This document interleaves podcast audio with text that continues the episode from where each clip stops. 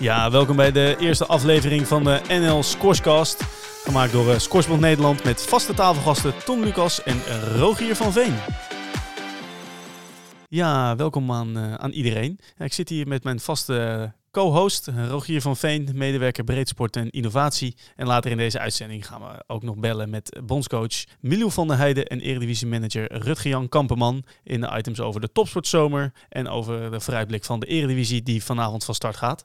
Maar eerst ja, Rogier, innovatie. Ik zit hier nu met deze, deze podcast. Ja, wat, wat doe je me nu weer aan?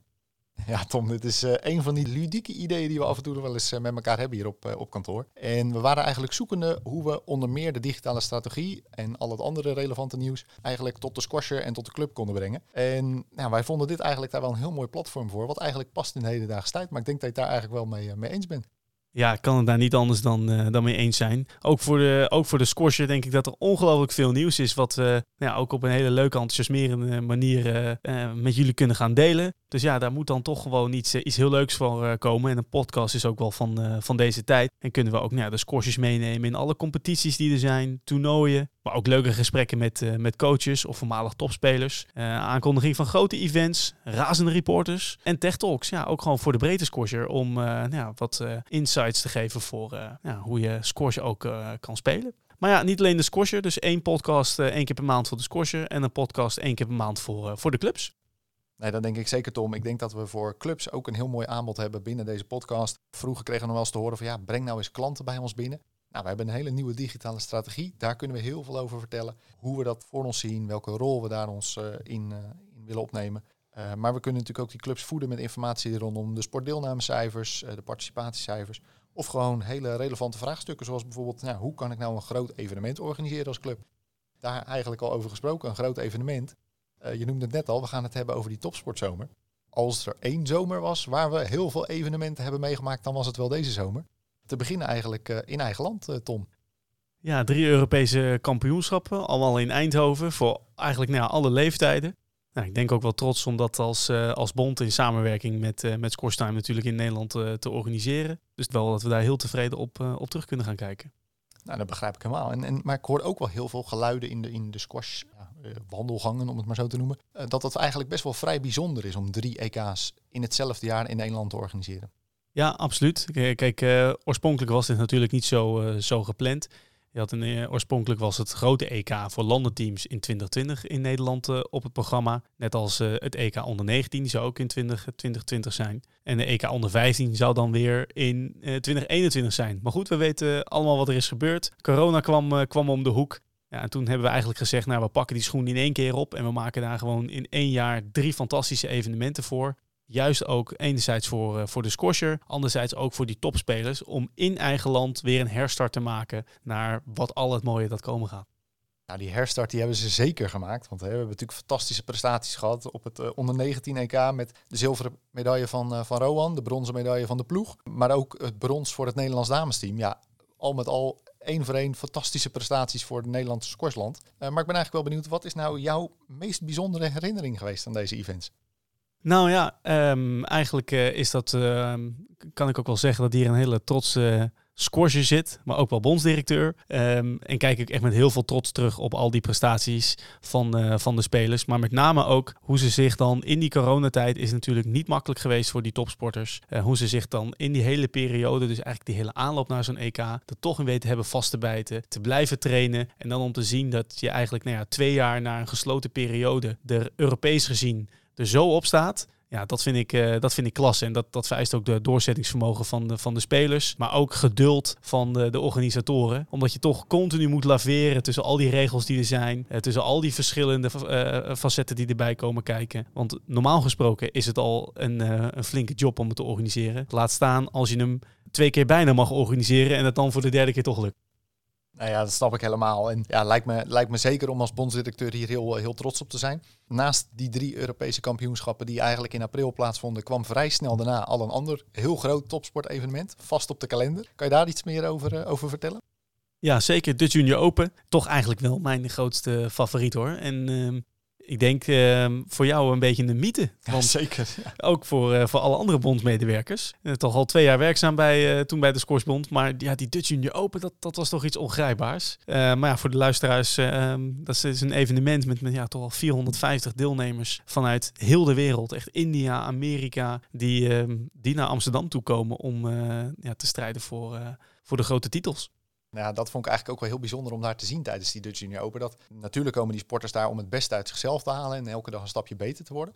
Uh, maar je noemde het ook al, uit verschillende landen. En die mix van culturen, dat vond ik zo ontzettend leuk om, om eigenlijk voor de eerste keer daar mee te maken. Je noemde het al, het was een beetje een mythe, mythe voor ons. En het meest bijzondere wat ik daar eigenlijk, nou ja, gaandeweg, nu ik erover nadenk, bij is gebleven tijdens dat evenement, is een gesprek met de coach van, uh, van Botswana. En die zeiden ook van, ja, wij komen hier eigenlijk niet om te winnen. Uh, maar voor ons is eigenlijk ja, letterlijk het meedoen is belangrijker dan winnen. Om die kinderen, letterlijk kinderen wat, het zijn, om die een andere blik op de wereld te geven. Dat, dat een huidskleur niet van belang is. Dat ze net even belangrijk zijn als iemand van een andere huidskleur. Dat je elkaar gewoon kan aanraken en dat je ook gewoon van diegene kan winnen. En dat ze dat verhaal weer in hun eigen land moeten vertellen. Ja, dat, dat is mij echt het meest bijgebleven van die Dutch New Open. Ik vind dat zo bijzonder om mee te maken op zo'n evenement. Ja, ik kan me dat, uh, ik kan me dat heel, veel, heel goed voorstellen. Ik, ik geloof dat ik bij de Dutch Union zei ik ook, het is toch wel een evenement waar eigenlijk heel veel culturen samenkomen. En zo zie je ook met verschillende soorten doelstellingen, dat zo'n topsoort event is niet per se alleen maar voor de topspelers, maar ook vooral voor hele andere culturele doelstellingen. Uh, dus ja, ik denk dat uh, dat, dat wel een weer een beetje, beetje extra is. Junioren, ja, die hebben we ook. Maar we hebben ook een Masters gehad deze, deze zomer. De WK Masters in Polen. Het zou mooi zijn om uh, wellicht ooit een keer de WK Masters naar, uh, naar Nederland te halen. Maar er was nu ook wel een enthousiaste groep Nederlanders. Ja, ging zeker een enthousiaste groep naartoe. Uh, ik heb mensen gezien als Felix Barelholz, Priscilla Roos, Daniel Lagewaard. Maar ik zag ook ja, voormalig, of, of, zeker nog steeds topspelers. Pietro Sweertman, Robert-Jan Anjema. En die hebben het volgens mij nog best wel goed gedaan daar. Ja, zeker. Daar waar uh, Pietro bij ons op het, uh, in de NK1 uh, de oudste deelnemer is en, en, en ook wint, is hij op dit evenement doet hij mee in de jongste categorie, de 35 plus. Daar is hij mooi tweede geworden. en Robert-Jan Anjema, ja, de recordhouder, Nederlands kampioen aller tijden, is nog steeds actief op de squashbaan en wist daar gewoon een bronzen medaille te halen in de, in de 70 plus. Dus dat zijn ja, mooie resultaten wel. Ja, nou, dat, dat zeker. En, en dat was natuurlijk het einde van die, uh, van die sportzomer. Dat is eigenlijk nog recent geweest. Uh, maar we slaan natuurlijk eigenlijk één heel belangrijk evenement nu over. Ja, want ja, ik wilde eigenlijk een klein rugje maken. Eh, Rogier, hoe is, jouw, hoe is jouw zomer geweest? Hoe is jouw vakantie? Nou, vakantie zat er helaas nog niet, nog niet in, Tom, deze zomer. Je zei het al, innovatie. Momentum dat innovaties door kunnen groeien binnen een bond en, en alles wat daar aan vasthangt. Ja, dat is gewoon de zomerperiode. Dus voor mij zat er helaas geen vakantie in. Maar ik heb wel eigenlijk een, een onverwacht mooi uitstapje gehad naar, eh, naar Nancy, naar het WK Jeugd in, eh, in Frankrijk. Ja, want eigenlijk ging je even binnen, binnen een klein beetje vreemd. Je ging een beetje weg van, van, van de breed sportinnovatie naar, naar toch wel even iets heel anders. Ja, dat was zeker anders. Maar dat, dat kwam omdat iemand wat langer met vakantie was dan uh, misschien ook wel een beetje vooraf gepland. Dus uh, dit liep allemaal zo mooi samen. Maar uh, nou ja, zonder daarover over te dollen. Ehm, in eerste instantie zou ik ehm, niet naar dat, naar dat WK jeugd afreizen. Maar een beetje gekscherend met, met chef Van Heijden, de bondscoach die de ploeg toen begeleidde. Die zei van ja, je komt er wel even langs. Nou, het is Nancy, 4,5 uurtjes rijden. Ik denk nou, weet je, zaterdag vrij. Ik rij wel even voor één dagje op en neer. Ja, dat liep iets anders. Ja, want uh, hoeveel nachten ben je uiteindelijk gebleven, Rogier? Ja, nou, dat zijn er uiteindelijk uh, een stuk of zes geworden. mooie midweek. Maar ja, dat, uh, dat liep zo samen. Ja, want de spanning werd volgens mij iedere dag een steeds, steeds een beetje beter. Je voelt dan ook wel een beetje dat het, dat het toch wel iets heel bijzonders kan gaan worden. Ja, klopt. Nee, ik kwam binnen tijdens de vierde ronde van het toernooi. En daar nam Rowan het op tegen Dennis Gilevski. De winnaar van de Dus Junior Open trouwens, waar we het net al over gehad hebben. Ja, en, en ja, die, die wint en die behaalt als tweede, volgens mij, of derde Nederlander de, de kwartfinale. Volgens mij uh, was dat al historisch. Ja, dat, dat was al zeker. Ah, dat is waar, ja. Dat... Net als voor zijn tegenstander toen. Uh, dat was uh, een, een Colombiaan. Ja, klopt. Ja, dat was wel een, een soort machtig affiche. Twee mensen die voor het eerst in de kwartfinale kwamen. Nou, dat, dat hebben we ook wel geweten, want het was op het glasscourt. Nou, volgens mij was half Colombia was uitgerukt en die zaten daar op die tribune met in kleding en nou, nog net geen toetenstrommels en bellen erbij. Maar het was wel een heerlijk affiche om naar te kijken. Ja, ik moet zeggen dat uh, je bent er natuurlijk een paar dagen uiteindelijk, uh, uiteindelijk geweest. Ik de schuldige ben en degene was die op vakantie was. Volgend jaar ga ik denk ik toch maar even mijn vakanties iets anders plannen. Het schijnt heel toevallig ook in Australië te zijn, heb ik gehoord. Dat uh, kan ik heel goed begrijpen. Dus maar, um, nee ja, uh, fantastisch om dat, uh, om dat mee te maken. Ik denk absoluut Nederlandse squash-historie om Rowan daar met ja, de wereldbeker boven zijn hoofd, hoofd te zien staan. en ik denk ook inspirerend voor heel veel, heel veel junioren, misschien wel die nu aan het luisteren zijn, dat het vanuit Nederland ook gewoon echt mogelijk is. Ja, zeker. Ik denk dat in die zin het inspirerende hieraan is ook wel... Hè, we hadden het net over die EK's in eigen land. Nou, daar verloor hij nog die, eigenlijk een replay van de finale tegen die Finley uit, Eng uit Engeland. Uh, en ja, en je ziet nu gedurende dat jaar... er waren een aantal momenten waarin het voor Rowan net niet helemaal lekker liep. En, en eigenlijk viel in dat toernooi in één keer alles op zijn plek samen. Uh, ja, en, en piekt hij gewoon op het juiste moment. En ik denk ja, dat dat inderdaad wel een hele mooie les is voor, voor de jeugd van de toekomst om hier uh, ja, lering uit te trekken. En eigenlijk zagen we dat al direct de dagen daarna. Ja. Want ja, het team event. Ja, vervolgens om met het, de, ploeg ook nog eens zo'n zesde van de wereld te worden. Eh, misschien even een, een, een, kanttekening erbij. Het is om het jaar mannen en het jaar erop is het een vrouwenteam-event. Ja. Uh, dus we hadden dit keer alleen, uh, alleen de mannenploeg of jongensploeg beter gezegd, die uh, kon spelen. Ja, zesde worden en daarmee ook het tweede Europese land in de volgorde is natuurlijk ook historisch. Dus wat dat betreft zijn we absoluut wel uh, verwend deze zomer. Ja, zeker. En ik denk ook dat het nou wel heel leuk is om te gaan kijken wat Milou van der Heijden, onze damesbondscoach, hoe, hoe zij deze topsportzomer heeft beleefd. Ze kent Roman natuurlijk goed, is zelf ook gestopt als, als korser deze, deze zomer. Dus ik denk dat het goed is om haar even te gaan bellen.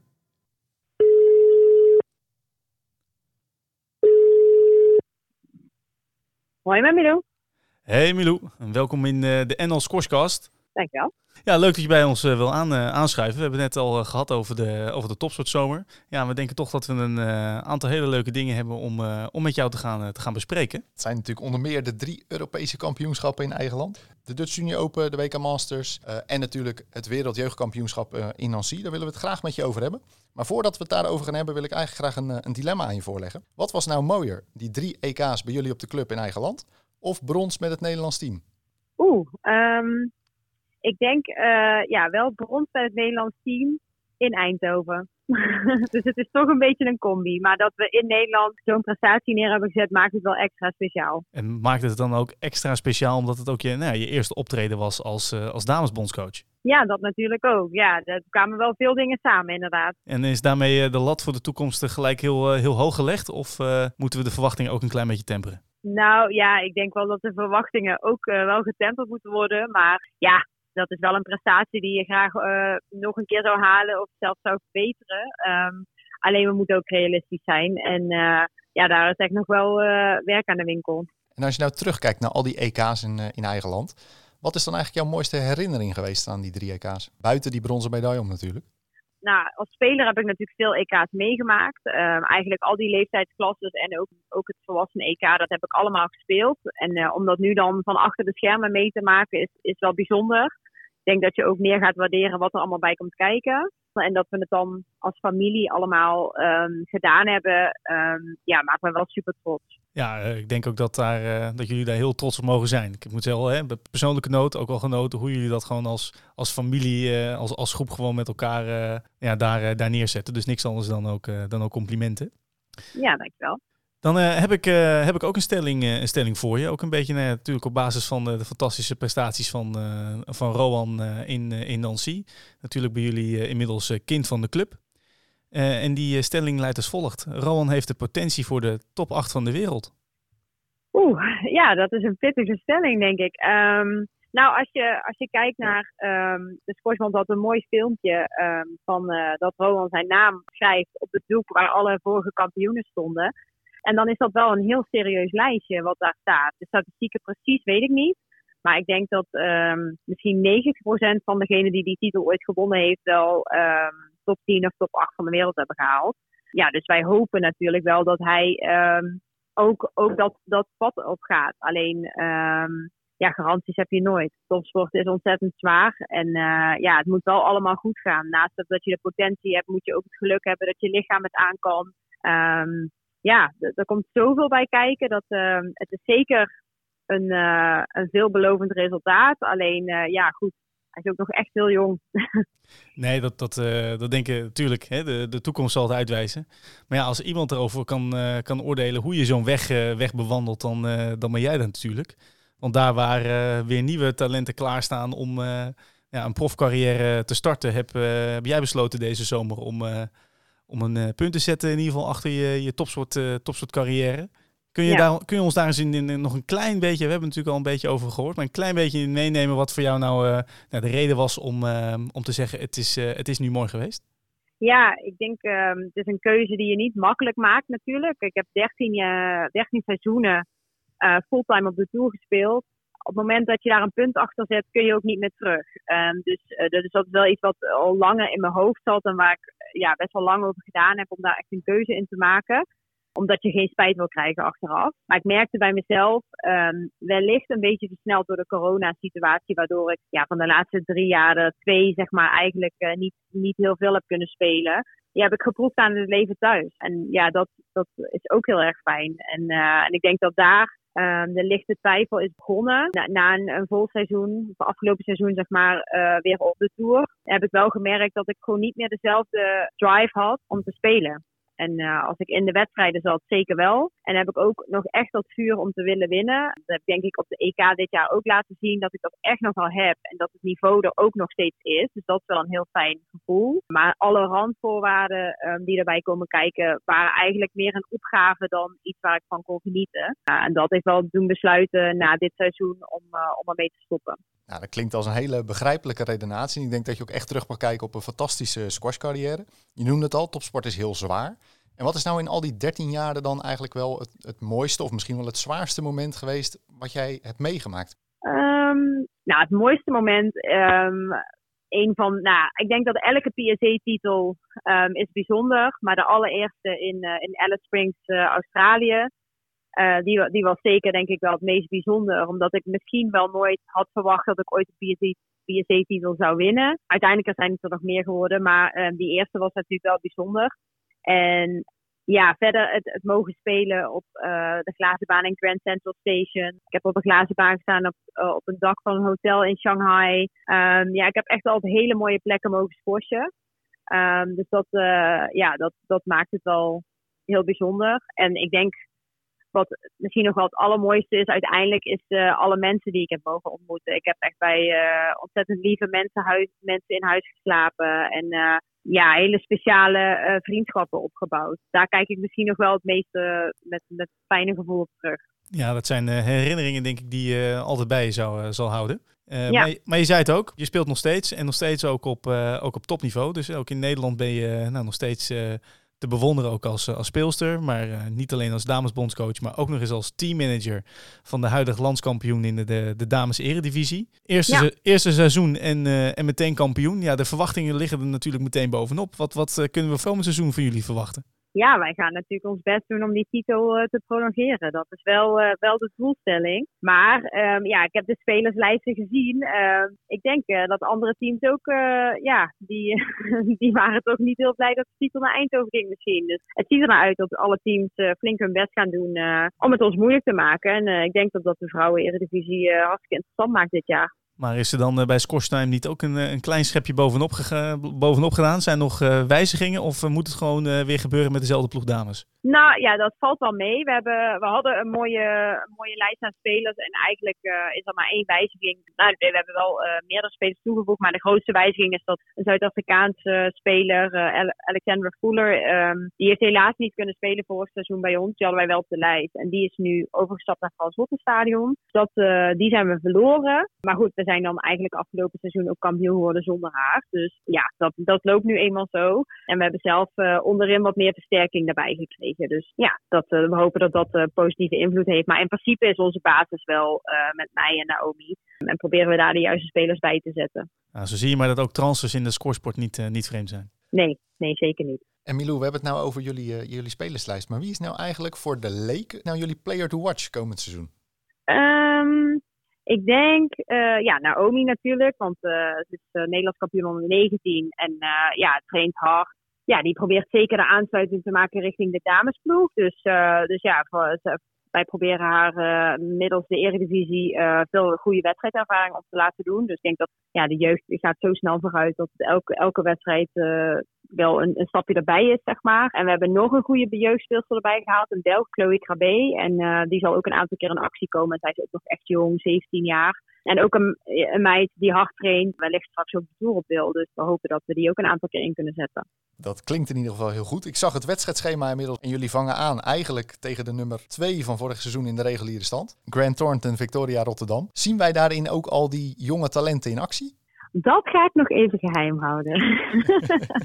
Heel slim. Ik ga niet nu mijn kaarten blootgeven. Nee, uh, het is een, uh, een pittige wedstrijd om de Eredivisie meteen uh, het seizoen mee te starten, zeg maar. Um, en ik dat Victoria elk jaar uh, een gooi naar de titel doet. En dat zullen ze dit jaar ook zeker doen. Dus ik verwacht dat zij sterk naar, naar Eindhoven komen. Wat ook bij hun past. Hun hele lijst is eigenlijk heel sterk. Dus ze hebben ook weinig opties eigenlijk om niet sterk te komen. Dus ik verwacht dan meteen eigenlijk een klapper op, op de eerste wedstrijd. Nou, dan gaat het uh, vuurwerk uh, de eerste ronde meteen, uh, meteen los. alles natuurlijk ja. te volgen op uh, scoreseriedivisie.nl. Een dag voor de wedstrijd zijn eigenlijk altijd de opstellingen, opstellingen bekend. Dan, ehm, ja, dan gaan we je danken, Milou, voor, voor je tijd en ook ja, je, mooie, je mooie inzichten. Ja, dankjewel. Jullie ook bedankt. Dank en we, nou, we komen elkaar vast weer tegen. Jo, oké. Okay. Doei. Nou, eigenlijk een heel mooi gesprek met, uh, met Milou net. Uh, een, een, erg leuk vind ik persoonlijk om te horen dat jeugd de kans gaat krijgen in de Eredivisie om zich uh, te bewijzen ten overstaande van nou ja, de grootheden in de squashsport. Absoluut. ook denk ik nou, een mooie uitkomst. beleid ook wel van de bond om te, te kijken dat we veel meer jeugd de toegang kunnen geven tot ja, de Eredivisie. Ook met naar tien teams bij de, bij de mannen zorgt ervoor dat we denk ik wel veel jeugd gaan, gaan zien komend seizoen. Nou, en wat je daar natuurlijk ook al zag is, uh, naast dat Milou gestopt is als een van de topspelers van het Nederlands team, is nog een andere speler ook gestopt binnen het Nederlands team. Tjeu Dubbeldam, helaas. Maar gelukkig is hij wel behouden gebleven, net zoals Milou ook voor de sport. En die is komend jaar actief bij uh, Squash Apeldoorn. Dus ik denk dat we maar eens Rutger Jan moeten gaan bellen. Hoe de zijn seizoen ervoor gaat staan. Ja, zeker. Rutger Jan Kampenman, uh, natuurlijk eigenaar bij... Of manager moet ik zeggen bij, bij Squash Apeldoorn. En nieuwkomer ook in, in de Eredivisie. Vorig jaar tweede geworden in, in de topdivisie. En mogen dit jaar hun, eh, hun opwachting maken. Dus nou, ik ook wel benieuwd naar zijn, uh, zijn verwachtingen. Dus uh, laten we eens even gaan bellen. Ja, welkom Rutger Jan in nou, de eerste aflevering van de NL Scorescast. We gaan, we gaan samen met jou uh, nou ja, voorbeschouwen eigenlijk op het uh, nou ja, alweer een uh, nieuwe Eredivisie, Eredivisie seizoen waar Scors Apeldoorn zijn opwachting maakt. Voor jou geen onbekend terrein, want volgens mij al menig jaar Eredivisie manager geweest. Merk je dan toch wel weer voor zo'n nieuw seizoen dat daar toch weer extra spanningen bij zitten? Ja, nou ja, natuurlijk wel. Want nou, ten eerste op een andere dag.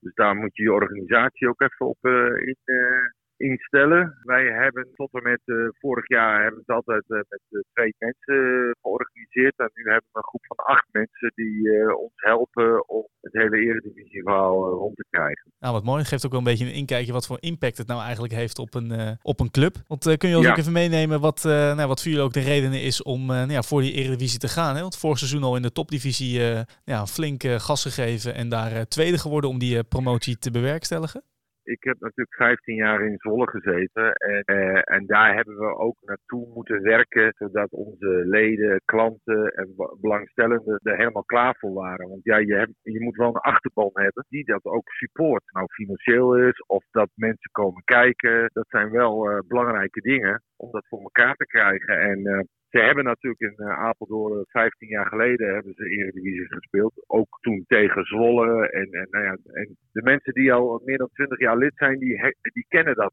van vroeger. Het uh, klinkt mooi om te horen dat die organisatie ook uh, langzaam zo op, uh, op orde is gebracht over de jaren heen. En wat Tom net al aanhaalde, ja. dat inkijkje daarin. Waar ik dan eigenlijk ja. nog wel heel benieuwd naar ben. Je hebt, je hebt de ervaring al vanuit het verleden. Ja. Die organisatie is nu langzaam op orde gebracht. Maar hoe ga je nou eigenlijk te werk om zo'n Eredivisie team samen te stellen? Ja, nou, uh, wat we eerst hebben gedaan is uh, zeg maar ons Eredivisiecomité, zeven, acht andere mensen die ons uh, nu gaan ondersteunen, hebben we een driejarenplan geschreven. Gewoon een soort businessplan. Hun proberen te overtuigen, oké, hier is waar we, het, hier staan we nu. Waar willen we naartoe? En, uh, en uh, hoe gaan we die weg bewandelen? Nou, leuk. Echt een mooi driejarenplan gedragen door, uh, door mensen van, van de club.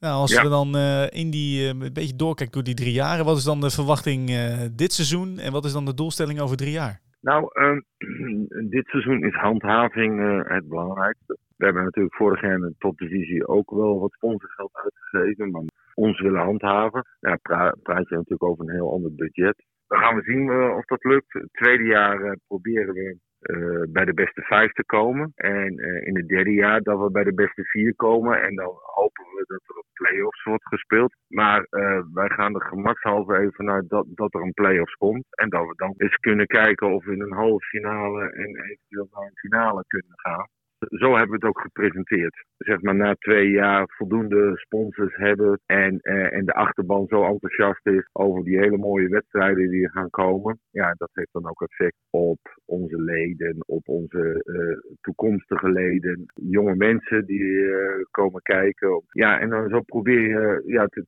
is, een soort aantrekkingsmechanisme. Nee, dat begrijp ik helemaal, Rutger-Jan. En je, noemde al, hè, voor dit jaar is de doelstelling handhaving. Nou, dan, dan open je thuis eigenlijk, denk ik, met een hele mooie wedstrijd tegen uh, Squash City. Ook nog eens toevallig het team van, uh, van Tom. Ik kijk uh, in ieder geval heel veel uit naar, naar vanavond om nou ja, bij, bij Apeldoorn te mogen zien hoe jullie die eredivisie gaan neerzetten. Ik ben, ik ben ook benieuwd, hè. je hebt de hele spelerslijsten ook samengesteld. Wat is nou een, een speler waar we het aankomende seizoen rekening mee moeten gaan houden? Wat wordt de player to watch in Apeldoorn? Ja, uh, Joey Dulldam, die, die onze Nederlandse speler die heeft het uh, even een kleine, kleine pauze gehouden. Maar we hebben met hem zitten praten en uh, hij heeft er ontzettend veel zin in.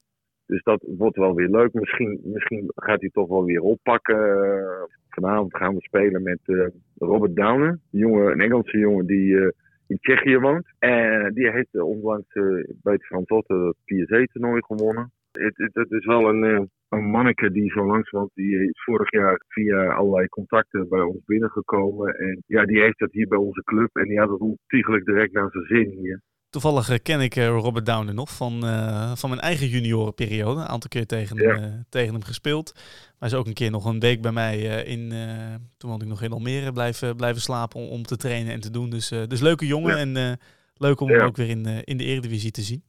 We gaan je in ieder geval heel veel succes wensen vanavond. En ehm, nou ja, ook uh, danken voor nou ja, je tijd voor de NL Scorescast. Dankjewel en we zullen het zien vanavond. Zeker. Hey, dankjewel Rutger-Jan. Okay. Hoi hoi. Prima, hoi.